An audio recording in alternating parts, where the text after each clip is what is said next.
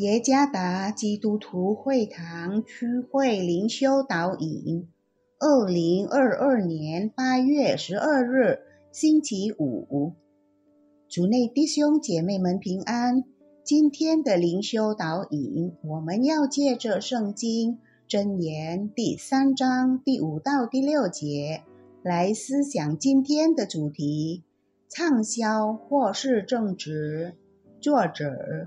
由文静传道，箴言第三章第五到第六节：你要专心仰赖耶和华，不可以靠自己的聪明，在你一切所行的事上都要认定他，他必指引你的路。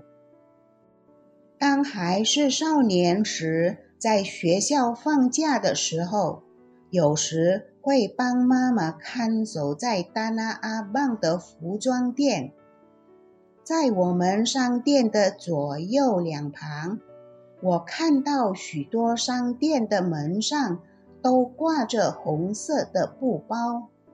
当我问商店旁边的邻居时，他说：“这是从高玉山的促销灵符，目的就是。”让商品能销售得快、卖得多，但是我也听说过，为要得到这一切，必须付上人命为牺牲的代价。除此之外，有商家相信会招手的猫，他们相信这种招来手势会将顾客引进他们的商店。作为基督徒，我们不要依靠促销灵符或招财猫，而是要信靠主。箴言第三章第五到第六节，作者提醒我们要专心仰赖神，不可依靠自己有限的聪明。第六节，在你一切所行的事上，都要认定他。他必指引你的路。事实上，所有的福分都是来自主，而不是来自魔鬼。从撒旦而来的福分，附带某些条件。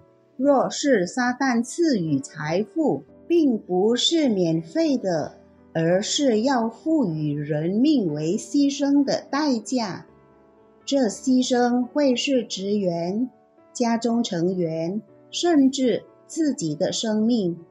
从主而来的福分是出自真诚赐予的，不需要付上任何牺牲为代价。主是良善的主，他要赐福我们的生活，直到满意。主耶稣在约翰福音第十章。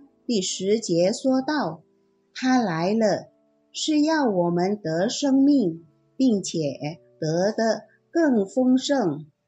在这里的丰盛，当然不仅仅是物质上的福分，还有属灵方面的福分，平安的生活、喜乐、其他等等。在经营生意时。”我们必须倚靠主，而不是倚靠护身符或其他的能力。我们应该尽自己的本分，勤奋的工作，诚实和友善的交易。主将会照他的旨意来赐福我们。